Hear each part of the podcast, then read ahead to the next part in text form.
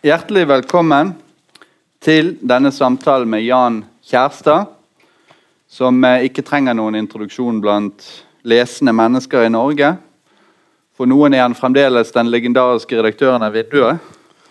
Eh, for andre er han den sentrale foregangsfiguren i innføringen av den postmoderne romanen til Norge. For atter andre er han den store epikeren, forfatteren av Jonas Wergeland-trilogien så vel som en rekke senere bredt anlagte romaner.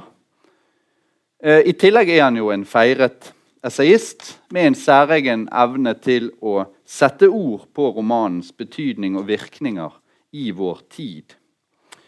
Og det berører jo litt det spørsmålet vi skal diskutere i dag. Eh, vi knytter naturlig nok an til Kjærstads roman av året, romanen 'Berge', som har fått svært god omtale blant landets litteraturkritikere.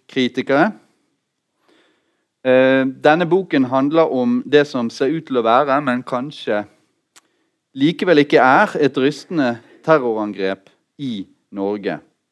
Den fiktive arbeiderpartikjempen Arvid Storefjell blir i 2008 funnet knivdrept på familiehytten i Nordmarka sammen med flere andre familiemedlemmer. Og boken utspinner seg i kjølvannet av denne ugjerningen og fortelles ut fra tre perspektiver.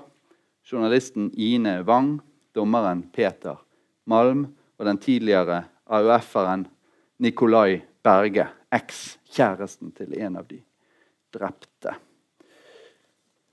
Um, vi skal snakke om denne boken, men vi skal også forsøke å bevege oss inn på litt mer allmenne emner knyttet til uh, litteratur, terror, vold, skyld, straff. Først av alt så tror jeg jeg må belemre deg med et spørsmål som du helt sikkert har besvart hundrevis av ganger i høst, nemlig dette med 22. juli og de assosiasjonene til den terror, terrorangrepet mot Norge i denne romanen. Har du lyst til å kommentere dette nok en gang? Nei, jeg har jo ikke Er jeg forresten på? Ja. Det er veldig bra. Eh, nei, jeg, jeg, får jo mange ulike typer spørsmål. Men uh, det er noen som spør om jeg har villet skri skrive om 22. juli. Eh, og det er, har jeg et enkelt uh, svar på, og det er ja. Det var Hovedtanken var det at jeg skulle forsøke å gyve løs på kanskje den, altså den sterkeste historien som fins i de siste tiårene i, i, uh, i Norge. Uh, men jeg visste jo det at det er uh, Altså at det var svært vanskelig. Fordi at det er så mange som har sterke forestillinger om det, og som har sterke følelser knyttet til det. Sånn at jeg, jeg, visste med en gang at jeg ikke skulle skrive én til én. Eh, også fordi jeg ikke fikk det til. Jeg prøvde bare sånn uh, lite grann, og så at det ble veldig flatt. Altså, det, sånn, uh, det, ble, det ble Åsne Seierstad med litt mer stream of consciousness. Mm. uh, og, og, litt mer metaforikk. Og det tenker jeg også Åsne Seierstad skrev til så glimrende bok. Uh, sakprosabok. Jeg tenker også på Åge Borchgrevink og Erika Fatland også, for den saks skyld at uh, jeg, så ikke, jeg, så ikke, noe poeng i å gjenta deres prosjekter som uh, skjønnlitteratur. Så da, da, fikk jeg, etter å ha hatt en liten pause, så fikk jeg den ideen at uh, jeg skulle gjøre noe som jeg har vært opptatt av egentlig i mange bøker. Nemlig å, å underliggjøre stoffet. Forsøke å underliggjøre det. Det er et begrep som, som dere sikkert vet stammer fra en russisk litteratur viter som heter Viktor Sklovskij. Vi kjenner mest uh, Mikael Bakhtin her i, i, Norge med hans uh, polyfoni. Men det, med dette begrepet til Sklovskij med, med underliggjøring syns jeg er vel så fruktbart. For det er sånn at når, når noe på en måte begynner å bli sementert, eller at når man begynner å tenke i vant baner igjen og igjen om et prosjekt, så kan eh, skjønnlitteraturen eh, få leseren til å gå noen skritt til siden og se det med friske øyne ved at da stoffet blir underliggjort. Så det, det jeg gjorde, var at jeg, jeg tenkte hele tiden på 22.07., men så skrev jeg en selvstendig historie som skulle kunne leses som en selvstendig historie. Samtidig som jeg ville da at denne historien, i og med at den hadde så mange elementer som var lik 22.07., eh, at leseren da skulle eh, assosiere Eh, til dette bringe med seg sine egne tanker, følelser, erfaringer fra den hendelsen og legge det på en måte i et rom ved siden av denne selvstendige historien, sånn at du får et dobbelt rom. Og det var det som var på en måte mitt, min kongstanke, at denne dobbeltvirkningen skulle kunne da avføde en ny innsikt om dette her veldig, veldig vanskelige eh, hendelsene som vi ikke er ferdig med, og som vi ikke kommer til å bli ferdig med på veldig lenge. Mm. Det, som leser så kan jeg jo også si at det skaper jo en form for det som i dramateorien kalles for dramatisk ironi. Som betyr det at leseren vet mer enn eh, personene du leser om. sånn at når de hele tiden sier at eh, dette, uh, dette uh, er det største eller verste som kunne ha skjedd og kommer til å skje, så vet vi at det kommer noe enda verre senere. Mm. Ja, Det er viktig å si at dette skjer i 2008. Mm. Altså tre år før 22.07. Sånn at um, da har man som forteller da anledning til å, til å komme da med utsagn eller la en dialog gå, som da leseren eh, får altså ganske sterke reaksjoner på. Da, eh, mm. På den ene eller andre måten. Mm. Eh, kan, du, kan, du, si noe om altså et sånt nasjonalt traume? Det er jo et, det er jo et eh, på mange måter målet til en terroraksjon. Å skape et nasjonalt traume. Hva, er egentlig, hva kan litteraturen gjøre i møte med et sånt traume, som ikke man kan få til på noen annen måte? Ja, Det er et godt spørsmål, og det spørs om den kan gjøre så mye. Eh, det er jo et stort spørsmål det om skjønnlitteraturen er nyttig. Eller så nyttig som vi, altså mange forfattere da, slår seg på brystet og påstår at den er. Eh, og det vet vi også pga. at eh, altså når vi står der, Jeg har jo stått overfor skoleklasser og sagt at det er veldig viktig å lese romaner. fordi at, Og så har jeg sju grunner. da. Eh, og så har jeg ofte gått ut etterpå og tenkt at det er ikke så enkelt. Fordi at det er jo også ofte sånn at uh, man ser det at tyranner og diktatorer er gode lesere. De har lest hele verdenslitteraturen, og allikevel så går de og torturerer i kjelleren på en måte etter at de har lest Goethe da, eller Shakespeare eller Dante. Mm. Så, så, du kan spørre hva kan egentlig en fortelling gjøre. Jeg tror at fortellingens mulighet er Og det har jeg vært litt lei av når det gjelder denne eh, boka, at jeg blir ofte spurt veldig mye på overflateplanet. Mm. Altså sånn, Hvorfor eh, har du sagt det om Arbeiderpartiet? Eh, mm. Hvorfor lar du eh, Arve Storefjell være sånn og sånn som karakter da, eller person? Mm. Mens eh, Det kan jeg godt svare på, men der slaget står for meg som forfatter, det er på det fundamentale plan. At du ved å skrive dette som fiksjon vil forsøke å nå ned på et mer grunnleggende plan. Eh, mm. og som paradoksalt nok ofte er da språkløst eller ordløst. Altså du er på jakt etter en innsikt som nettopp, da, hvis eh, vi skal være litt sånn høye, på hatten, høye i hatten, er i slekt med det Aristoteles eller grekerne kalte katarsis. Mm.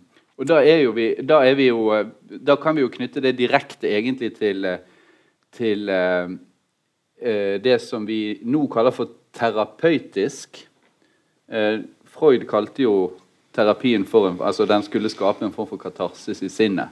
Og det er jo nettopp det som er eventuelt, da, kanskje, litteraturens oppgave. Å fungere på en eller annen slags måte terapeutisk. Ja, men jeg tror, jeg tror uh, den aller viktigste For dette blir bare Jeg tenker at dette er et slags uh, håp. da, mm. Utopisk eller naivt, alt ettersom man ser det.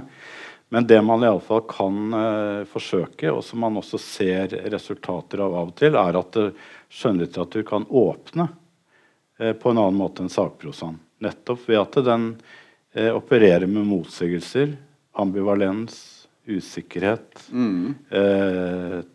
tilfeldigheter.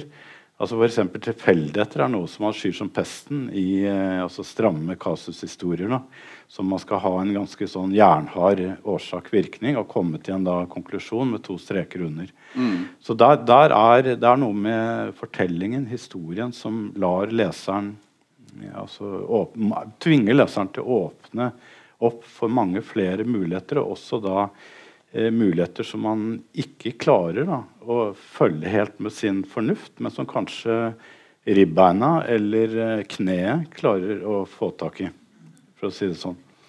Eh, jeg forstår, tror jeg.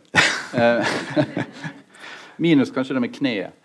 Men eh, det som jeg tenkte på, hvis du tenker litt sånn litteraturhistorisk på det Nå, nå har jeg jobbet veldig mye med, med Bjørnson i de siste fem årene. Og, og Bjørnson skrev jo et stykke som het 'Over evne 2' i 1895, som handlet om terror. Et terrorangrep. Og det var, eh, det var et terrorangrep som var eh, anarkistisk, ble det ansett som. Og på den tiden der så ville jo det vært eh, så var det jo åpenbart at hvis et stykke eller et, en roman behandlet et sånt emne, så ville det være i tråd med dette programmet som realismen hadde satt for seg selv, nemlig å, å sette problemer under debatt.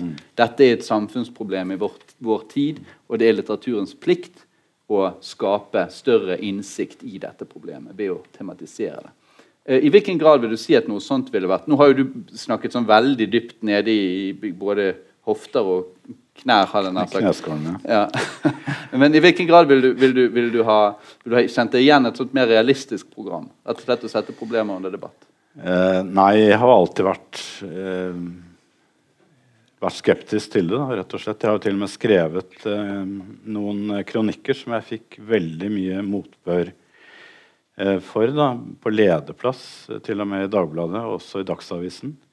Hvor de sa at nå har forfatterne sviktet av sin oppgave. Det var, da, det var, da gikk jeg egentlig sterkt imot det jeg kalte for Bjørnson-syndromet. Jeg kalte det fra profet til forteller.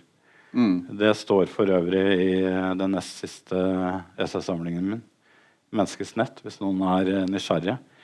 Eh, og det, jeg tenker at det, det kan aldri skade at man, at man har innhold eller noe på overflaten som kan brukes i samfunnslivet. Altså at f.eks. en politiker da kan lese en roman og hente skyts eller tørt krutt. Og bruke, få visjoner av det, eller bruke, lese et sitat sant, fra Stortingets talerstol. Det skjer jo av og til. Eller man siterer jo hele tiden eh, forfattere. Og det skal jeg medgi at når jeg var 18-19 år, så leste jeg jo Bjørneboe på denne måten her. Da satt jeg med rød penn og streket under i, i haiene og i kruttårene sånne flotte sentenser. Ikke sånn som jeg trengte. Jeg tenkte det var veiledende moralsk for meg på den tiden. Eh, så det syns jeg er eh, altså det er jo flott. Altså hvis litteratur også kan virke sånn. Men jeg ønsker ikke først og fremst å, å være en sånn forfatter. Da. For det første så tror jeg ikke jeg er klok nok til å kunne levere altså, så gode eh, hva skal jeg si, sentenser. Da. Mm. Pregnante avsnitt, som mange av disse forfatterne gjør, som du kan slå på veggen og nesten se på et helt liv da, og få kunnskap ut av.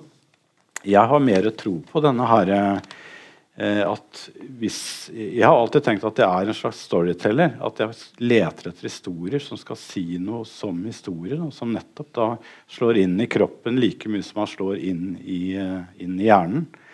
Eh, og da få til en sånn virkning at det er selve historien, alle elementene i den, som på en eller annen måte danner noe så komplisert at du får en erkjennelse som du ikke da, som du sa, kan få på noen annen måte. Jeg sitter akkurat og leser en ny biografi om eh, Joseph Conrad, som jeg alltid har beundret. Syns er en eh, helt enorm forfatter.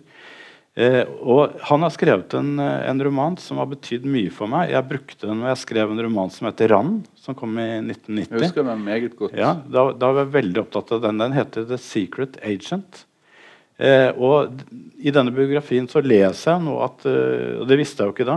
At eh, Konrad var opptatt av disse anarkistene.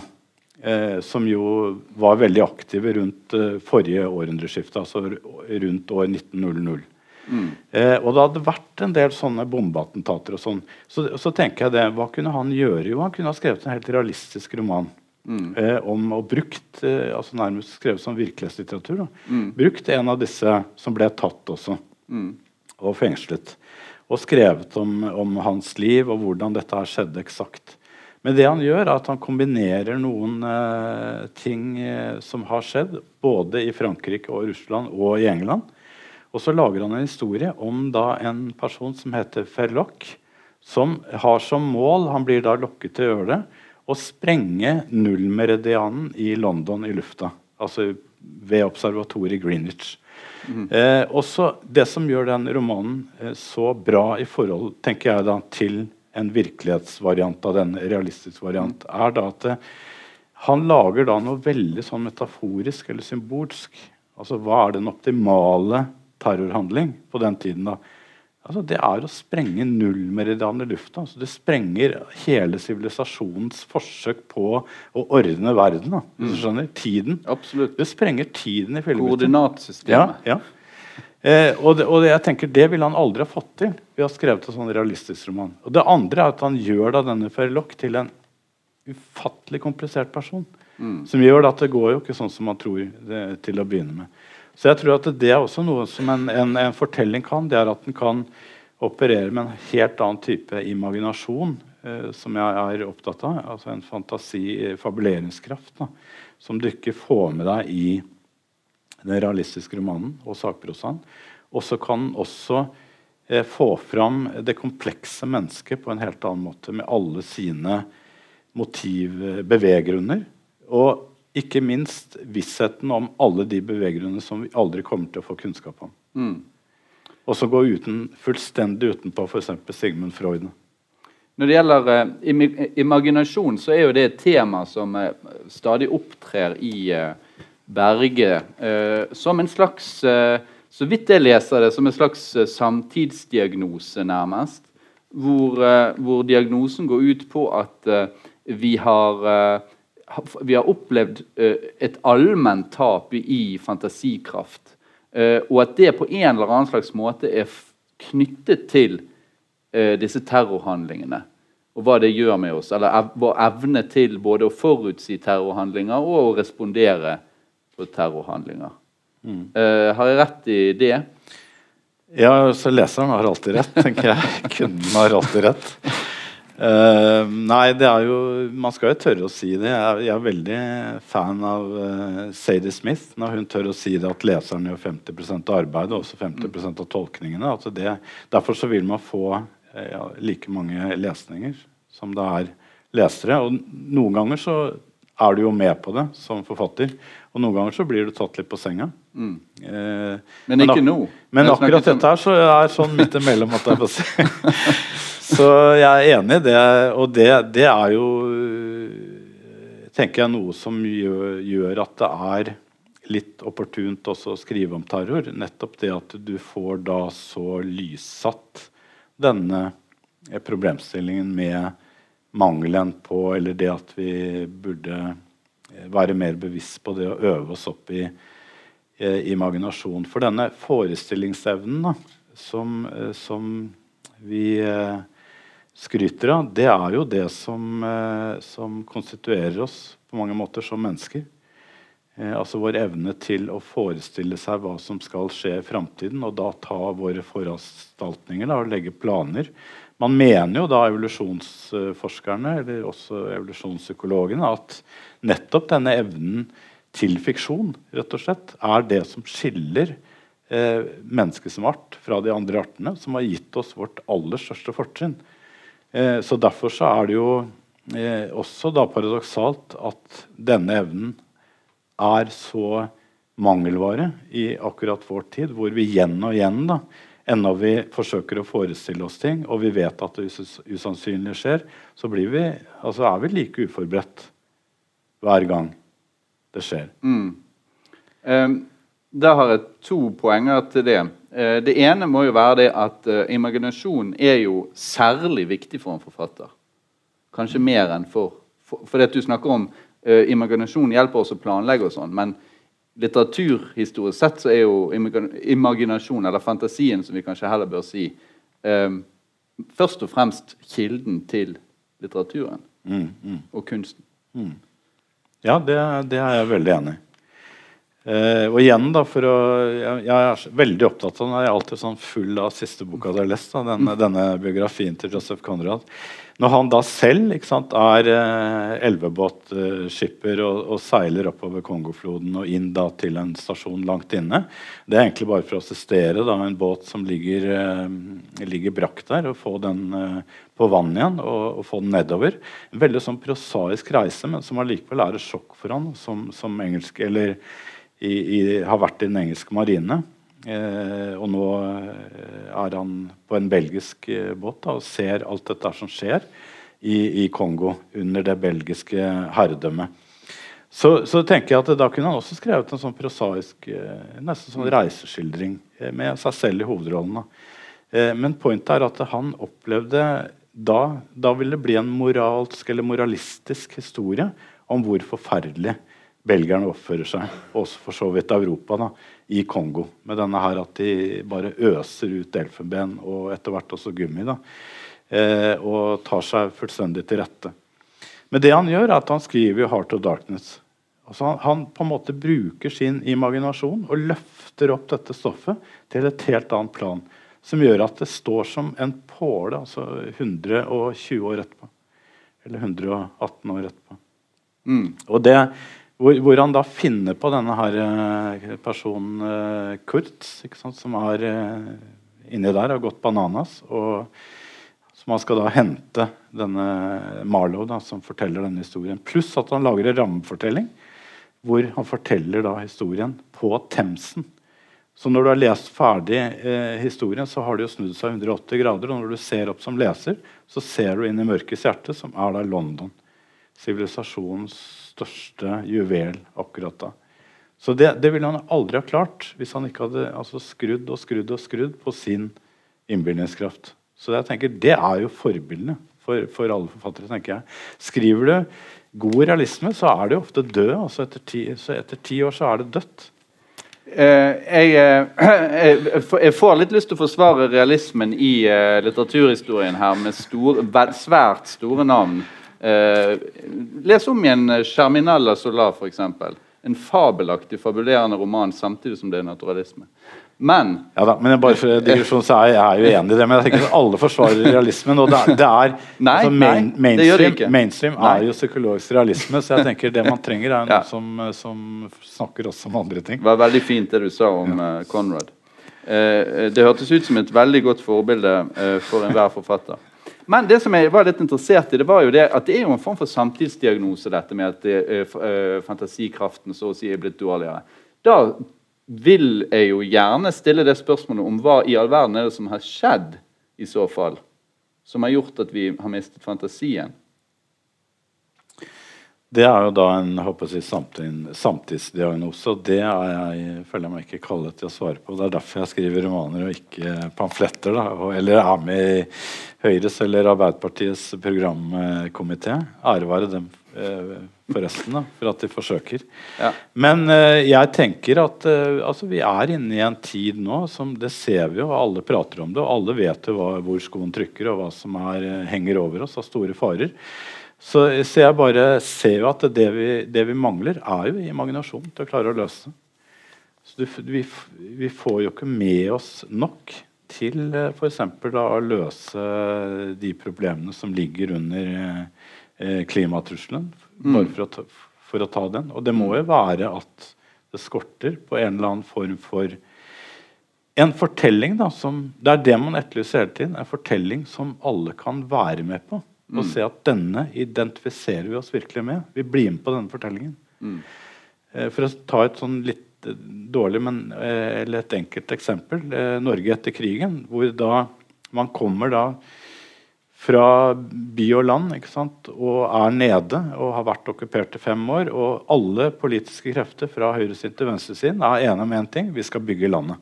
Mm. Så det er ikke bare Arbeiderpartiets program. Det er jo et felles eh, partiprogram hvor mm. man da samarbeider og bygger landet da i løpet av 25 eh, år. Mm. Fra eh, noe som lå nede, til eh, altså kanskje verdens altså mest beundringsverdige velferdssamfunn. Mm. men det var fordi at man fikk med seg hele befolkningen på den fortellingen. Mm.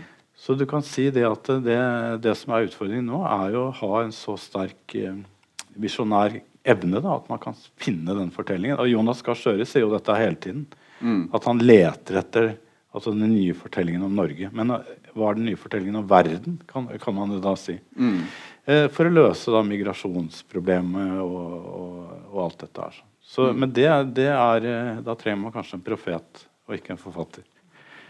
Um, eh, når det gjelder um, den første personen i uh, denne romanen Berge, Ine Wang, uh, så eh, forekommer det med at det er en ganske sånn subtil mediesatire du lager der. Fordi at, og som er ganske sympatisk, egentlig. Fordi at denne satiren, eller hvis man vil si en slags samfunnskritisk åre i det, den første delen her, egentlig vil jeg si, men som foregår uten at romanen egentlig henger ut denne Ine Wang. Eh, altså, Hun har en ambivalens. Problemet til, eller Det som er greien med, med Ine Wang, det er at hun kjenner denne Storefjell-familien veldig godt. Eh, hun har jobbet med den som journalist. Hun vet at når dette skjer Hun er litt på retur. Når dette skjer, dette, dette eh, eh, formodentlige terrorattentatet, da, så er det hennes sjanse. Hun er den som kan skrive best om dette. Hun har veldig vil du si, eh, tvetydige følelser omkring dette. Så det er på den ene siden eh, et, et, en mulighet, og på den andre siden tross alt noe hun sørger over. Da. Vil du kommentere det? Det var veldig godt tolket. Eller lest. Eh, Jeg tenker at det, det er jo en utfordring, og det er vanskelig. ikke sant, at du skal, Jeg har jo skrevet fram tre personer her, og det er det at du skal jo altså Jeg vil ikke bruke den klisjeen at du skal under huden på dem eller kjenne dem som dine venner. og sånne ting. Men jeg tror, er, jeg tror litt på dette her at du er nødt til å, å ha en sympati eh, for historien. altså Du må være engasjert i deres eh, hva skal jeg si, moralske dilemma. Da. For det er jo det du ofte skriver om mennesker som eh, kommer i løpet av historien inn i et moralsk dilemma. Eh, og hvis ikke det er eh, hvis du ikke har noe engasjement, hvis du ikke brenner litt for deg på det, så vil det bli igjen da, for å bruke det ordet flatt eh, og endimensjonalt. Så, så du forsøker jo også å legge inn motsigelser i, i personene. Altså, de har både sterke og svake sider. De er både sympatiske og usympatiske. Og det du sier, eh, det er jo veldig viktig at Ine Wang har til og med en innsikt i at uh, hun, som kanskje en del ikke hadde da, under mm. f.eks. 22.07-hendelsen og rettssaken, at eh, dette er et gudgitt stoff som gjør at de skor seg noe helt enormt Ja. eh, på det. Både individuelt og også som eh, altså hele medieapparatet skrus jo opp tre hakk. Og hele folket sitter jo og er umettelig på stoff. De Ja. er plutselig i en posisjon hvor de, hvor de er førende altså i, i samfunnet. De er virkelig en fjerde statsmakt. Men, men det som har vært eh, også viktig for meg, er jo å vise at hun er ekte sjokkert. Mm. Hun er ekte fælen. Hun er ekte lamslått. Så, så hun har den akkurat som du sier, den ambivalensen at eh, jeg er lamslått. Dette er helt forferdelig. Eh, dette er min lykkedag. Mm. Altså at du har den der dobbeltheten. Og det, det er jo, forsøket er jo da å få fram dette som en stemme. Og det er ofte det du leter etter som forfatter. Det er stemmen. Det er det du driver og prøver å feile på ofte i sånn første fasene i skriveprosessen. At du leter etter den stemmen som plutselig skal klikke inn og, og vise av denne personen. Eh, så, så, og det er en sånn eh, Altså denne dobbeltstemmen da, som jeg eh, tenkte at da klarer jeg å skrive om henne. når jeg fant den. Mm. Den neste eh, personen her, det er jo en eh, dommer. Eh, en ganske, en ganske eh, Hva skal man si En, en tilbaketrukket eh, skikkelse. En, en dommer som egentlig vel også er preget av selvinnsikt. Han er kanskje litt vel hard med seg selv. kunne man si. Han, han mener at han egentlig ikke er noen god dommer, men at han har på en måte klart å lure alle til å tro at han egentlig er en veldig god dommer. Men han er litt redd for å bli avslørt. og så, så er, Man kan jo da forestille seg at, at akkurat denne store saken her, eh, når, eh, når eh, den tiltalte da skal eh, for retten, at han er den som får den saken, ikke noe som han syns noe om.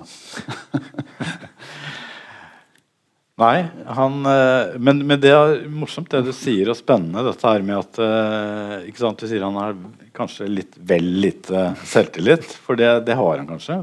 eh, alle disse her er skrevet i jeg-form. Det er veldig klare skiller. da, Det kommer navnet, og så kommer det en fortelling i jeg-form. Og så et nytt navn og en fortelling i jeg-form, osv. Eh, så, og da får man dette her at uh, man vet jo aldri helt om denne fortelleren er pålitelig eller ikke. Mm. Altså Hvor godt kjenner de seg selv? Og igjen da dette her med at kanskje leseren ser andre ting. Også fordi at de kjenner den foregående historien. Mm. Og, og, også når man kommer til den siste, så har man to historier å se det gjennom. Så har man da forutsetning for å leser til å følge litt med på da eh, fortelling og hvorvidt den stemmer overens da med hvordan de to andre har tolket da vedkommende. Så det kan godt være at han er egentlig altså har et større talent. det det, det syns jeg er ganske klart. Han, han, evner jo også Han er jo, er jo også en slags litteraturkritiker in spe. For litt av poenget er jo at han ser Den tiltalte må vi nesten si det er altså Berge. Han skal vi komme til. Eh, men han har skrevet noen uh, uh, bøker. Er de, er de novellesamlinger eller romaner? Det er noe, to novellesamlinger. To, to novellesamlinger, ja. Uh, som, uh, som, dommeren leser som en del av forberedelsene til uh, denne rettssaken. Og mener da å se at disse virkelig er mye bedre enn kritikken skulle, skulle, skulle tyde på. ja, da, altså, han, er, han, er, jo en, han er en leser. Da. Han er, han er opptatt av litteratur. Han, han, gjør ikke så mye når han er for seg selv. Han hører på Beethovens sene pianostykker for å gire seg litt opp. For han tenker at Beethoven ble mer og mer radikal, og det håper han at også han selv blir. da, i hans egen, Han pusler med et sånt verk om, ja. om uh, rettferdighet. og om det går an å egentlig operere med en rettferdig dom som et begrep. Og han er også opptatt av rettsoppgjøret etter krigen. Altså Rettferdigheten da relativt sett gjennom hele historien, hvordan den har forandret seg. da, Også hvordan den forandrer seg hvis du ser geografisk så er det veldig interessant at det går an å snakke om. Men klarer vi å finne objektive lover da, som alle kan være enige om. Så det er et veldig verdig prosjekt. Ja. Men han har brukt flere tiår. Han skriver på halve noteark som han har etter moren sin. Han har egentlig spilt flygel da i ungdommen, skulle bli pianist. Så nå har han fortsatt da med å skrive på noteark med sånne tynne tusjer i ulike farger. Da, som han putter da en sånn setre kjekkboks, tom metall, som står på skrivebordet. Putter oppi der masse ark. Så en gang så skal han skal sy det sammen da, mm. til et svært verk som skal høre i vei i vellinga. Samtidig så leser han også litteratur. Mm. Han har et sånt kresent utvalg, og han er også veldig da glad i Dickens. Mm. Og eh, det som jeg mener selv, da, subjektivt, er Dickens storverk, nemlig 'Bleak House'. Som handler om en svær, diger rettssak. Du kan si at det er en rettssak som til slutt omaldrer hele virkeligheten. Mm. Eh, altså det er en kjempetjukk bok, eh, og, og, der går det en rettssak som begynner egentlig litt sånn logisk. Men etter hvert så, så går den, altså den rettssaken Til slutt er det ingen som vet hva den handler om. Og alle er involvert. Eh, og når man kommer inn i den rettssaken, så er det fullstendig kaos. Mm. Eh, og han mener jo da at dette her er eh, beste boken som er skrevet om juss eh, noensinne. eh, han, hans, uh, hans uh, kongstanke der er vel at det er så vidt jeg forstår, et misforhold mellom, mellom det som er altså loven og rettferdigheten. Så Det er egentlig det han hele mm. tiden er opptatt av.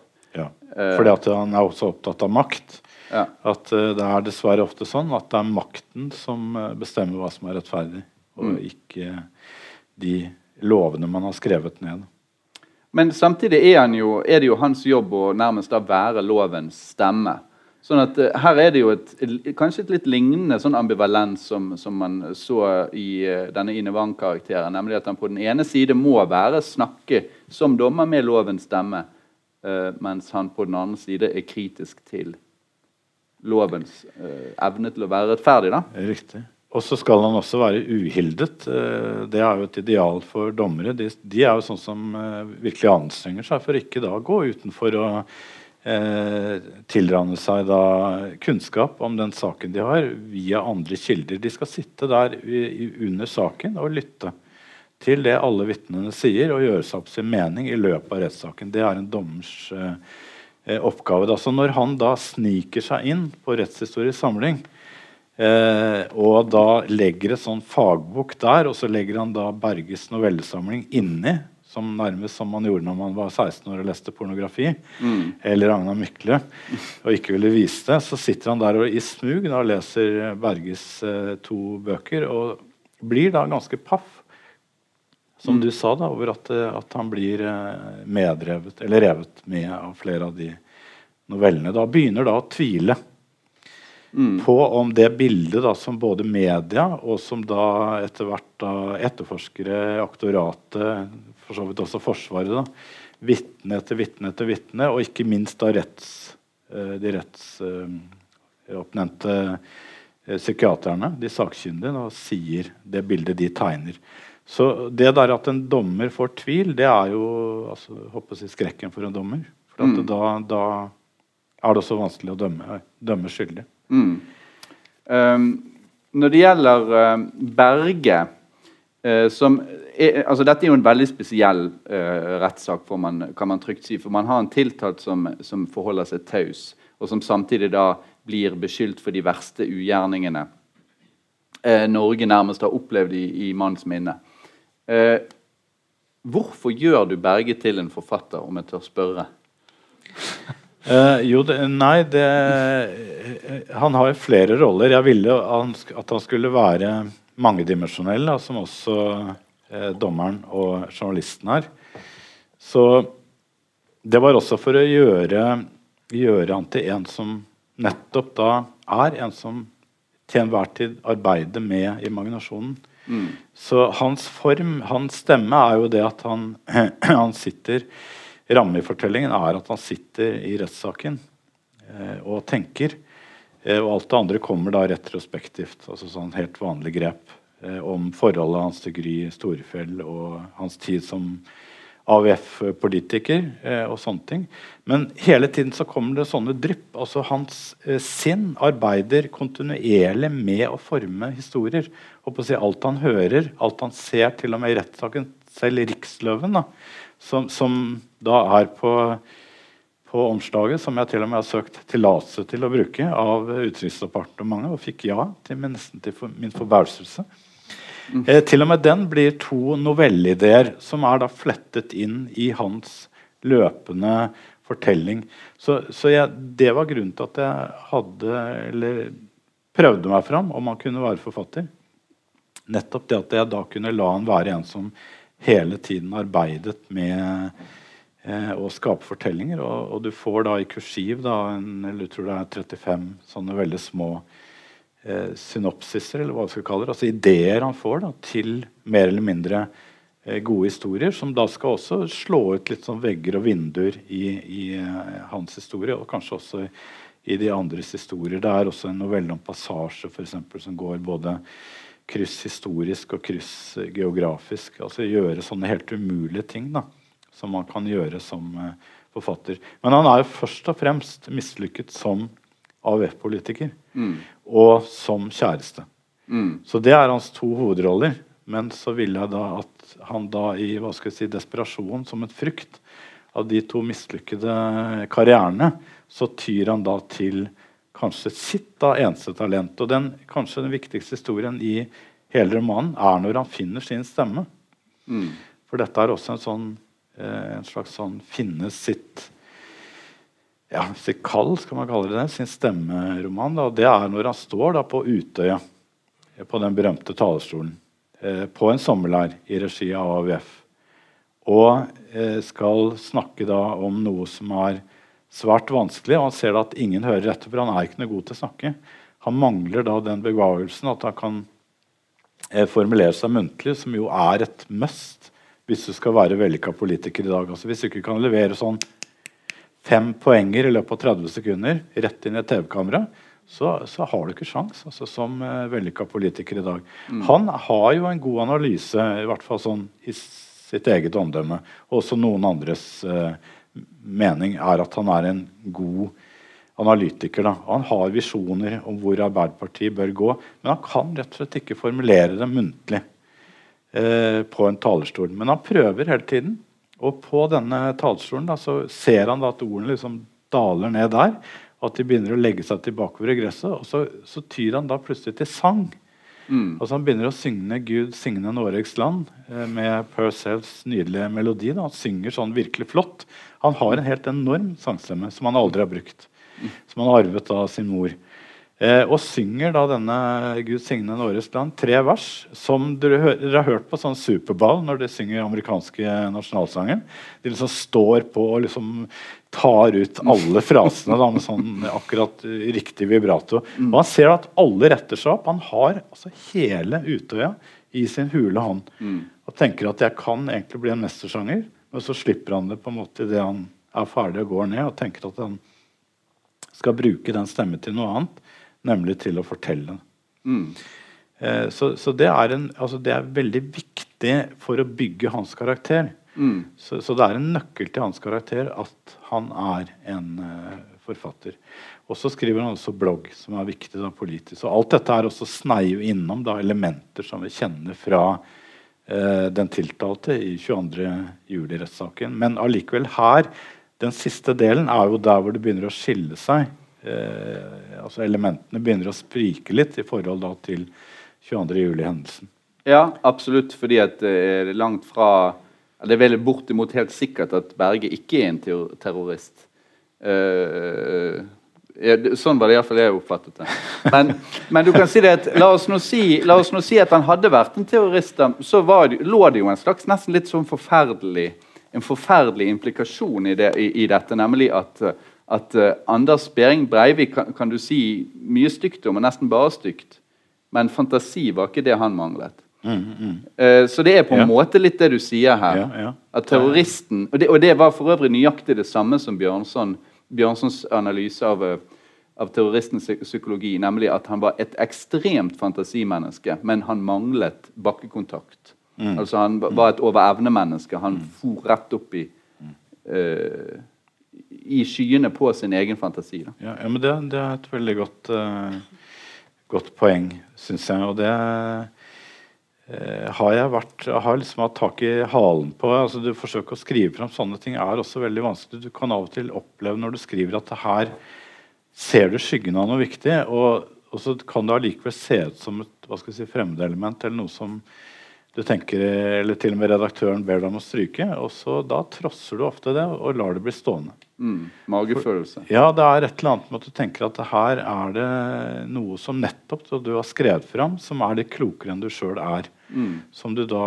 i beste fall da kan også leseren kan kjenne fyke forbi, da. Eh, uten at de helt uh, får tak i det. Det du sier, minner meg også om en annen, uh, annen roman som jeg alltid har vært opptatt av. Det er Don DeLillo, eh, amerikanske forfatteren, som har skrevet en viktig roman synes jeg, som heter Mao 2. Eh, hvor han da, som kommer altså på 90-tallet, hvor han da sier Dette er jo lenge før eh, 2001 Mm. eh, og terroren i New York og Washington. Da sier han det veldig, eh, altså, veldig klart, og det har blitt trukket fram gang på gang siden, at eh, eh, det er jo ikke Don DeLillo som sier det, men personen i romanen, som er den ene hovedpersonen, at terroristene har i dag tatt over forfatternes rolle. Mm. Så Don de Lillo sier på en måte at romanen er død. Altså, altså Skjønnlitteraturen har utspilt sin rolle. De klarer ikke lenger å fange publikums oppmerksomhet. Det klarer terroristene. Mm. Og vi husker, altså Jeg husker at uh, hvor mye oppstand det skapte da Stockhausen, han tyske uh, komponisten, mm. sa jo det ganske jeg tror det var bare en uke etter, etter eh, um, 11.9. 2001 så sa han det at eh, altså, dette er et kunstverk som, eh, som, ingen, eh, som alle kunstnere er misunnelige mm. på. Han ble jo nesten drept eh, etter å ha sagt det. Men, men, tanken er egentlig litt den samme som eh, det personen i Dando Lillos roman sier. At det er noe med at, eh, at terroristene har klart faktisk å fange oss på en måte som er veldig skremmende. Da. Og vi ser det også i diskusjonen, som også er speilt i eh, Ine Wangs historie, at man henstiller jo til eh, media at ikke skriv. Mm. Altså, for det er, eh, som du sier, terroristene vil jo ha oppmerksomhet. Mm. Det, er, det er derfor de gjør det. De vil skremme oss til døde. De vil at vi skal slutte å gå i Nordmarka. De vil slutte at vi skal være på hytta eh, og, og hygge oss. Eh, de tar oss på en måte der hvor vi Ja, det vi setter mest pris på. Og så får de all vår oppmerksomhet. Og media fyrer opp under det. Altså, det blir også et sånn veldig vanskelig paradoks. Da. Og så forsvarer media seg og sier at ja, men publikum vil jo ha det, og de har behov for å få ha det. Og det er viktig at de får informasjon. Mm. Det er nesten uløselig ja. egentlig ja. Eh, som problem. Ja. Eh, men en annen ting når det, gjelder, når det gjelder Berges eh, karakter og personlighet, eh, er jo som, som, jeg tenkte, som, jeg genuint lurer på det, som jeg tenkte jeg skulle spørre deg om, siden jeg nå har det her. Det er jo at Denne Ine Wang hun har jo en slags sånn Hun er jo kjent som portrettjournalist. Veldig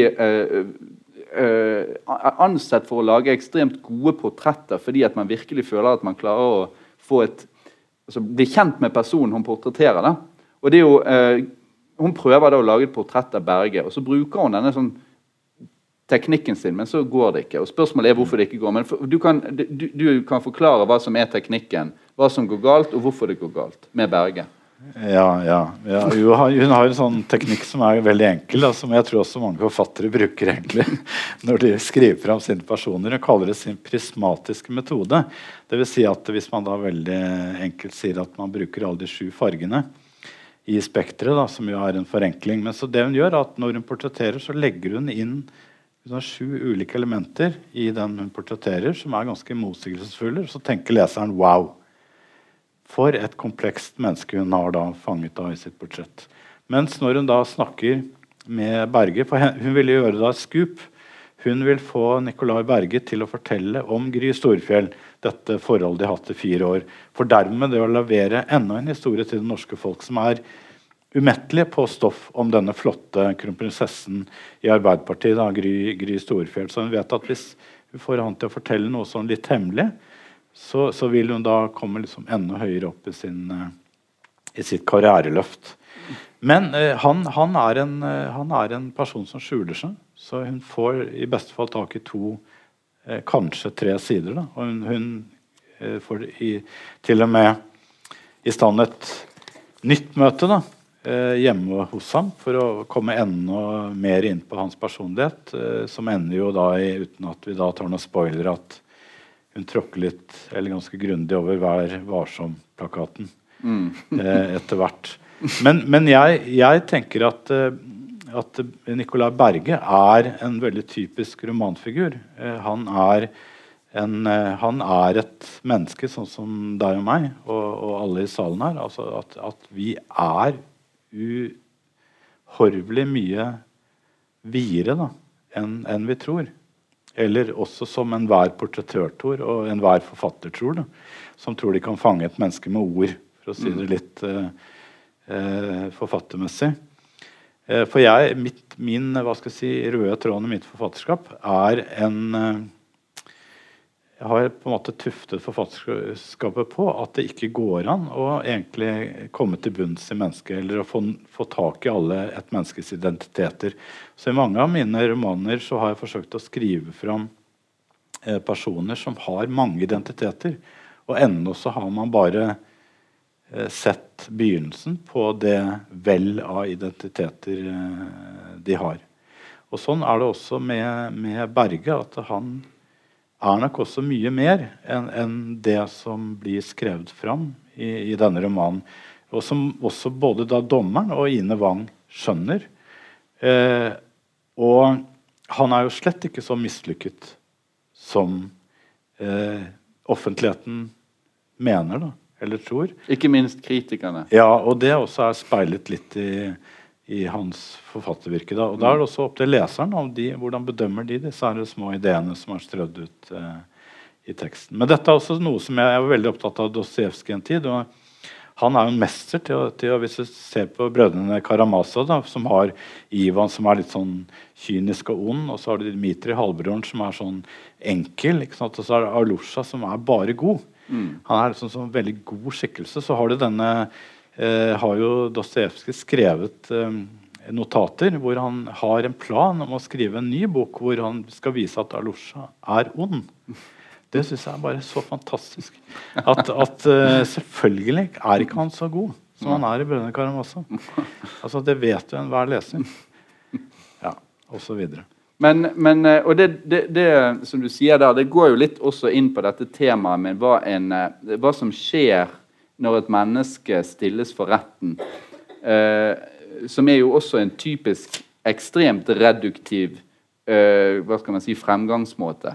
Man skal finne ut mente du å gjøre det. Har du gjort det, og mente du å gjøre det? Eh, og, og, og, hvis du har funnet ut det, så er det på en måte Eh, da, da, er saken uh, avgjort. Nå, nå, sier jeg det litt enkelt. da. Uh, men du fremstiller det jo også som noe mer. da, altså Din fremstilling av rettssalen er jo en, av en helt annen art naturligvis enn det du får via juridisk faglitteratur f.eks., og også enn det du får via pressen. Blant annet så oppstår det en slags taus dialog mellom dommer og tiltalt som jeg syns var litt fascinerende. De blir rett og slett nysgjerrig på hverandre. De prøver å tolke hverandres blikk. De forblir da iallfall Romanen holder det vel kanskje litt åpent, men vi har ikke noe eh, Vi får ikke noen uttalelser fra Berge som dommeren, og dommeren får heller ikke det, sånn som teksten foreligger, eh, som han kan på en måte hekte seg på. Mm. Men han har bøkene til Berge, og han har hans ansikt i rettssalen. Mm. Men han hungrer jo etter da Bergens egen historie. Eh, ja. altså at han, at han, forteller. For det må jo også si at Berge velger å for, for, forholde seg taus, eh, som du nevnte, at hvilket er veldig sjelden, men er mulig. da. Jeg har jo snakket med eh, Det var noe jeg måtte gjøre forarbeid på. For det, ellers så hadde jeg mye innabords. Pusse mye da, i forhold til mange av de andre bøkene mine. Men det med hvordan en dommer arbeider. Da, det måtte jeg, da måtte jeg snakke ganske lenge med to, eh, to dommere. Ikke minst hva de gjør når de ikke er i rettssalen. Mm. Eh, og da drikker de drinker og hører på klassisk eh, musikk. riktig. riktig. Men, men det, det, er, det, er, som du sier, da, altså, og det er jo også det du kan få fram med å bruke ulike synsvinkler. Det er jo det at man misforstår hverandre så ofte. Og det er noe alle opplever i dagliglivet og håper å si, i sitt ekteskap eller forhold. Mm. Når man er kjærester og sånn, så hele tiden så er det misforståelser. Og det, når, når dommeren ser, eller hører om Berge første gang gang, så har han jo veldig sterke antipatier mm. mot denne personen. For han har sett han fulgt litt med på så vidt det han har gjort da, i offentligheten som AUF ungdomspolitiker. Mm. Eh, og også hørt liksom, vage rykter om disse dårlige novellesamlingene. Mm. Og han tenker da en større skurk vil du aldri se i norsk rettssal. Tenker han da i 2010, da når denne saken kommer opp. Eh, eh, og så som du sier, da, så, så etter det som vitner står fram på rekke og rad, og alle historiene da eh, bygger seg opp rundt han, og stadig større hva skal jeg si, identiteter da, som eh, blir et skall rundt han, så, så, blir han mer nysgjerrig på denne personen. Og vice versa. da, eh, at Når Berge forteller, så tenker han først om den dommeren at han en, ser ut til å være en kjempetradisjonell, kjedelig fyr som sikkert bare lengter etter å komme hjem til kone og barn mm. og spise karbonader. Mm. Sånn, eh, og, og så, han, så, skjønner han etter hvert at det, det, er noe med denne dommeren. Mm. Men eh, det går altså på, på, på synet, da. På, på blikk. Ja, altså det, det og han, med, det, med, det, han også tenker, og som er hans moralske dilemma For dette er jo også en, en sak hvor alle kommer opp i moralske dilemmaer. som jeg sa, Hans moralske dilemma er at han frykter at dommeren vil da frikjenne ham. Mm. Men, men, eh, og der, jo, der, ser du jo også igjen kan du si, inn i et slags uh, menneskesinnets uh, mørke, kanskje, når det gjelder um, akkurat dette aspektet med å ville bli dømt for noe som du mener ikke å ha gjort. da. Uh, og der kunne man jo nærmest på et tidspunkt mistenke at han rett og slett ville ha ro og fred til å skrive. det er en sånn ja, hemmelig drøm forfattere har, å komme, komme i fengsel. Ja, det er en ganske romantisk eh, myte, vil jeg tro. da. Men, eh, men, det som jo er eh, det som står på spill her, er dette her berømte altså for nasjonens ve og vel. Altså det er jo dette her at, som er vanskelig både for dommeren og, og for Berge. Da. Det er jo det at et helt folk står utenfor og roper eh, håper å si korsfest, korsfest. Mm. Altså døm ham, døm ham. Mm. Eh, og det var det samme trøkket som var egentlig på 22. juli-saken, hvor du fikk den første rapporten fra de to sakkyndige, da, som man på en måte ikke kunne leve med. Mm. Altså dette her At man fikk en slags sånn kjempediskusjon om eh, det ville være til nasjonens ve og vel hvis han ble eh, kjent utilregnelig. Mm. Altså Ville vi kunne leve med det? Ville vi da kunne få katarsis? Mm. Og det ville vi ikke. Altså, vi ville ikke det, og vi fikk til og med da, to nye sakkyndige som da kjente han tilregnelig. Og selv om det da sto og vippet sånn hele tiden, og så ble han da kjent tilregnelig. Og alle var på en måte enige om at det hadde vært en uh, fin dag. holdt jeg på å si. At, at, at, det var det eneste riktige. Ja. Fordi at det, for, til nasjonens beste mm. så var dette den avrundingen vi måtte ha for at dette traumatiske kunne bli leget. Mm. Og, så det er noe, et ekko her av hele den problematikken som jeg har forsøkt å fange litt opp da, i, i disse tankene disse to tumler med på hvert sitt uh, hold. Ja, og, og, det som jeg tenkte på, som, som, har drevet på litt med å lese om hvorfor, hvorfor retten kommer til feil avgjørelse, altså dømmer folk feil, begår justismord Eh, så viser jo eh, veldig mye forskning at det er falske tilståelser. Mm. Kommer veldig høyt opp på den listen. Mm. Eh, og det du er inne på her, er jo å, å, kanskje diskutere litt, eller prøve å utforske litt hvor, hvilke grunner som kan få et menneske til å tilstå falskt. Mm. Eller eventuelt ikke hevde sin uskyld når man burde ha hevdet sin uskyld. jeg tror kanskje at vi er kommet til veis ende. Uh, og vil takke for fremmøtet og takke Jan Kjærstad for uh, meget gode svar til alle spørsmål som ble stilt. Jeg takker en god spørrer.